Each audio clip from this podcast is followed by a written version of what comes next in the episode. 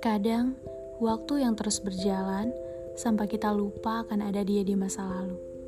Tapi, kini garis waktu hadir untuk menyampaikan kisah-kisah cerita cinta. Melalui garis waktu, Anda bisa merangkainya dengan cerita dalam pesan yang Anda kirim ke gariswaktu at gmail.com. Setiap Sabtu, dengarkan gratis hanya di Spotify.